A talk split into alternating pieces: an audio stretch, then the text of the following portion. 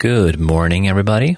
My name is Henrik, and you are listening to my microcast. And today it is Monday, which means it is time to get back in the groove of working. I'm currently quite good at separating work from free time, this whole work life balance thing that everybody talks about. So when my work stops for the week, I turn off email on the work email.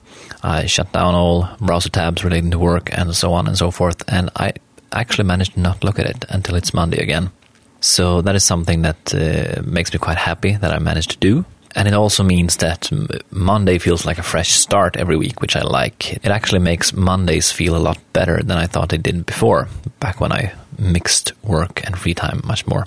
So this Monday will start like pretty much every Monday it does these days, which means I need to open OmniFocus and do my weekly review, sort through everything and see what needs to be prioritized up or down, set some new due dates and things like that.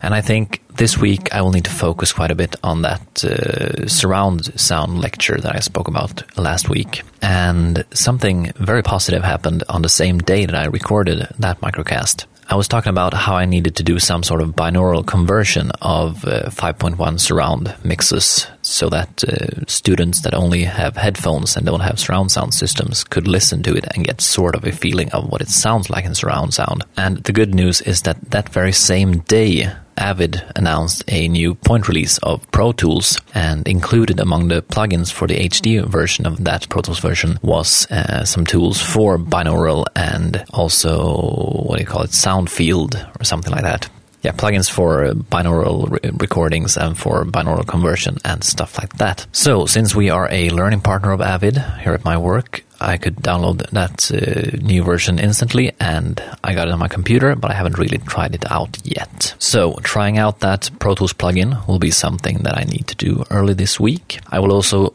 try out a third party plugin, a free plugin called MyBino, as usual, I will put r- relevant links in the show notes for this episode. So I think it will probably be either or of those two plugins that I use, or maybe I use one of them for some material and the other for other. I don't know yet. I will try it out this week and I will start writing some sort of outline for the lecture. I think that's it for today.